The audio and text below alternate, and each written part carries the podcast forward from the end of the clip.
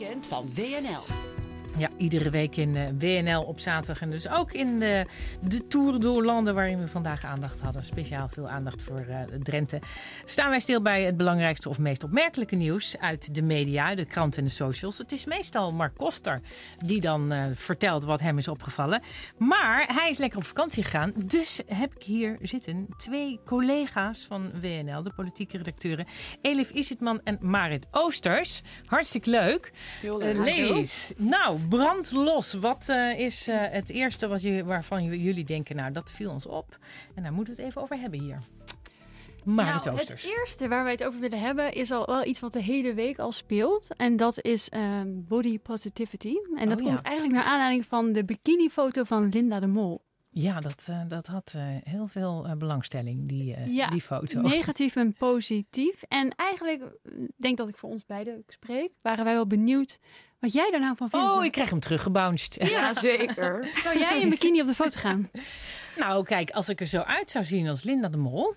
Met die prachtige getrainde armen. En wat ook onmiddellijk zag, een enorme buikspieroefeningen heeft ze gedaan. En dat heeft, heeft ze resultaat gehad.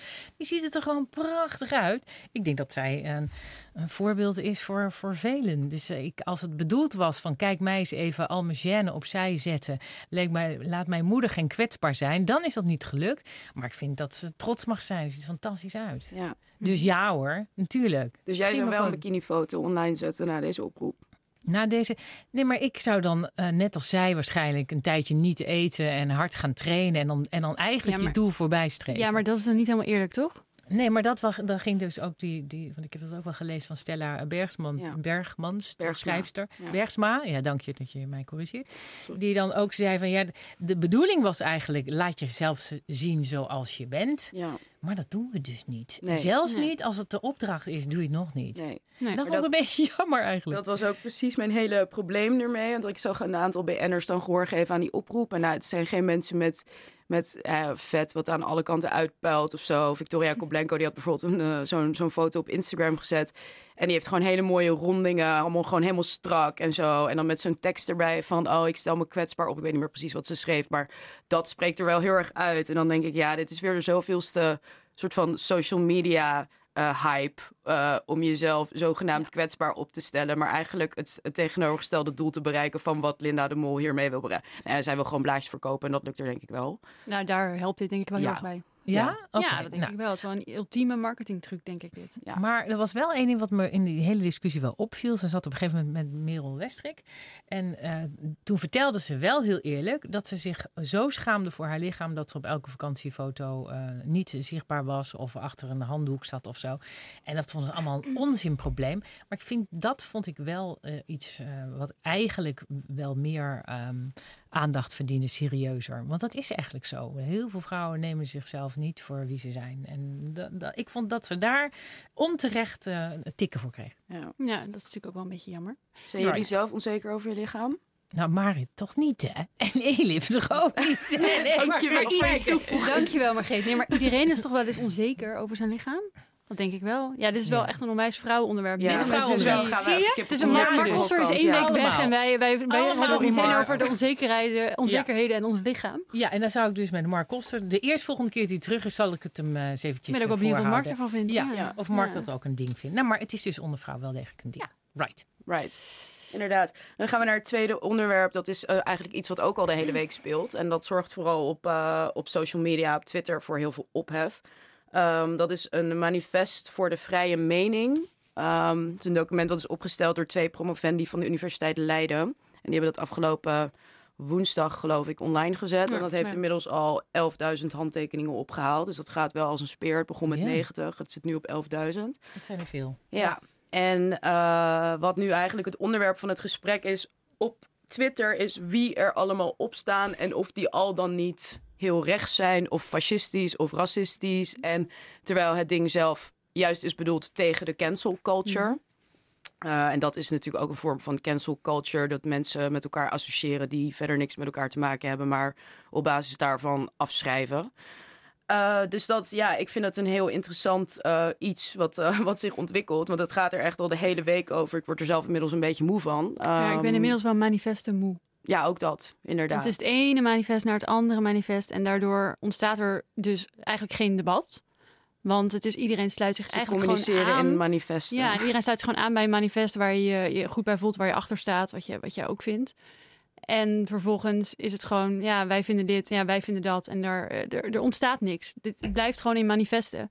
Dus ik vraag me vooral af, wat is het doel hiervan? dat, Oké, dus, dus Ja en, ja, en ik weet toevallig dat Elif ook gevraagd is om dit te ondertekenen. En dat ze het niet heeft gedaan. Dus ja, wat was daar dan de reden voor? Ja, de reden daarvoor was eigenlijk precies zoals jij het zegt. Ik, ik las het en ik dacht eh, in eerste instantie bij mezelf... nou, ik sta erachter. Je kan er ook moeilijk niet achter staan, denk ik. Mm. Eh, dat vind ik eigenlijk ook wel iets wat heel problematisch is aan manifesten. Ik denk, ja, het het is altijd op een manier geformuleerd... dat je er wel achter moet staan en anders ben je er blijkbaar tegen. Ja.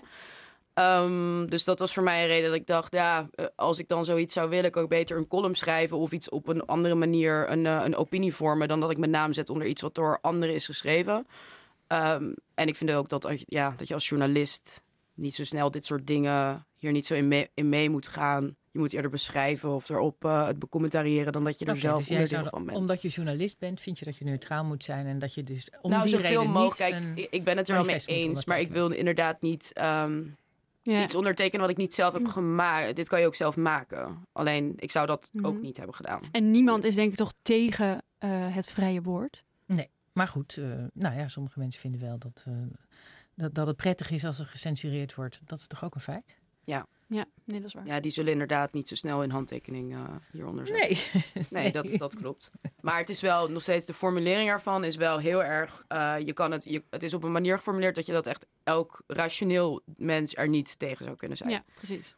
Oké, Ja. nou, dan Ehm. komen er misschien toch nog wel meer mensen die het Nou ondertekenen. ja, er zijn dus inmiddels hebben ze de, de namen eraf gehaald. Omdat er zoveel ophef was over wie er allemaal op stond. En mensen die daar, eh, die daar allemaal moeite mee hadden en zo. Dat ze dus het online gedeelte van die lijst hebben afgesloten. Dus dat vond ik ook nog Ja. wel een beetje ironisch in het licht van het, van het vrije woord. Wat? Ja, een ja, censuur in het Ja. manifest voor het vrije woord. Nou Ja, ja, ik weet dat niet, wist ik nog niet, Nee, Maar ja, misschien ook een bescherming klagen. voor mensen die, die, die dat hebben ondertekend. En daar misschien heel veel reactie eh, Ja. op krijgen. Maar dat vind ik wel weer heel ernstig Nou ja, Ja, dan maar wordt dat- het dus van ja. een manifest gaat het naar een anonieme petitie eigenlijk. Alleen het is een petitie die nergens echt toe oproept, behalve dat we met elkaar in debat moeten gaan, waar inderdaad iedereen het denk ik ook in deze ruimte mee eens ja, is. zeker. Uh, zeker. maar het is in ieder geval, ja, het is een interessante ontwikkeling.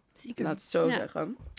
Hadden Ehm, jullie nog meer gevonden? Ja. Ja, nou ja, dan gaan we naar het grote politieke hoogtepunt van de week. Uh, namelijk uh, ja, de verkiezingsstrijd bij het, uh, bij het CDA. En het grote verlies, of nou, het, eigenlijk het kleine verlies van Pieter Omtzigt. Het Extreem minimale kleine verlies, ja. Um, hij heeft vanochtend een interview gegeven aan RTV Oost. En daarin uh, blikt hij terug uh, voor het eerst op zijn, uh, op zijn kandidatuur en op de, op de strijd erbij. En uh, daar zei hij het volgende. Het gevoel is niet veel anders. Het is nu iets rustiger.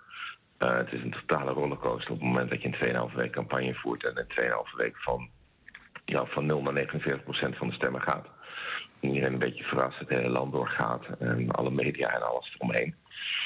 En uh, ja, ik was gewoon een beetje teleurgesteld. Het was er zo dichtbij en uh, dat is nog niet helemaal weg. Ik had het makkelijker gevonden om zomaar zeggen met 60-40 te verliezen. Want dan zit je zelf niet te verwijten van had ik dit maar, had ik dat maar. En ik was er zo dichtbij. Dan met uh, ja, 17 procent uh, dat je er nog bij had moeten hebben. Uh, 130 man meer overtuigen. Ja, ja, soms zit het mee en soms zit het tegen, moet je maar denken. Oh.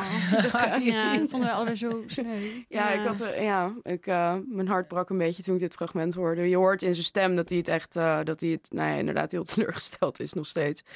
Ja. Um, ja, Ja, en, en, uh, en dat hij het wel ook al wist, hè? Dus ze wist het om tien uur 's ochtends al. Zowel Hugo de Jonge als Pieter Omzicht. En ze moesten hun gezicht natuurlijk wel even in de plooi houden. ja, Oh, showtje dat is een, opvoeren eh, show. Ja. Oh, dat, Ja. is- dat is een ook al nieuw.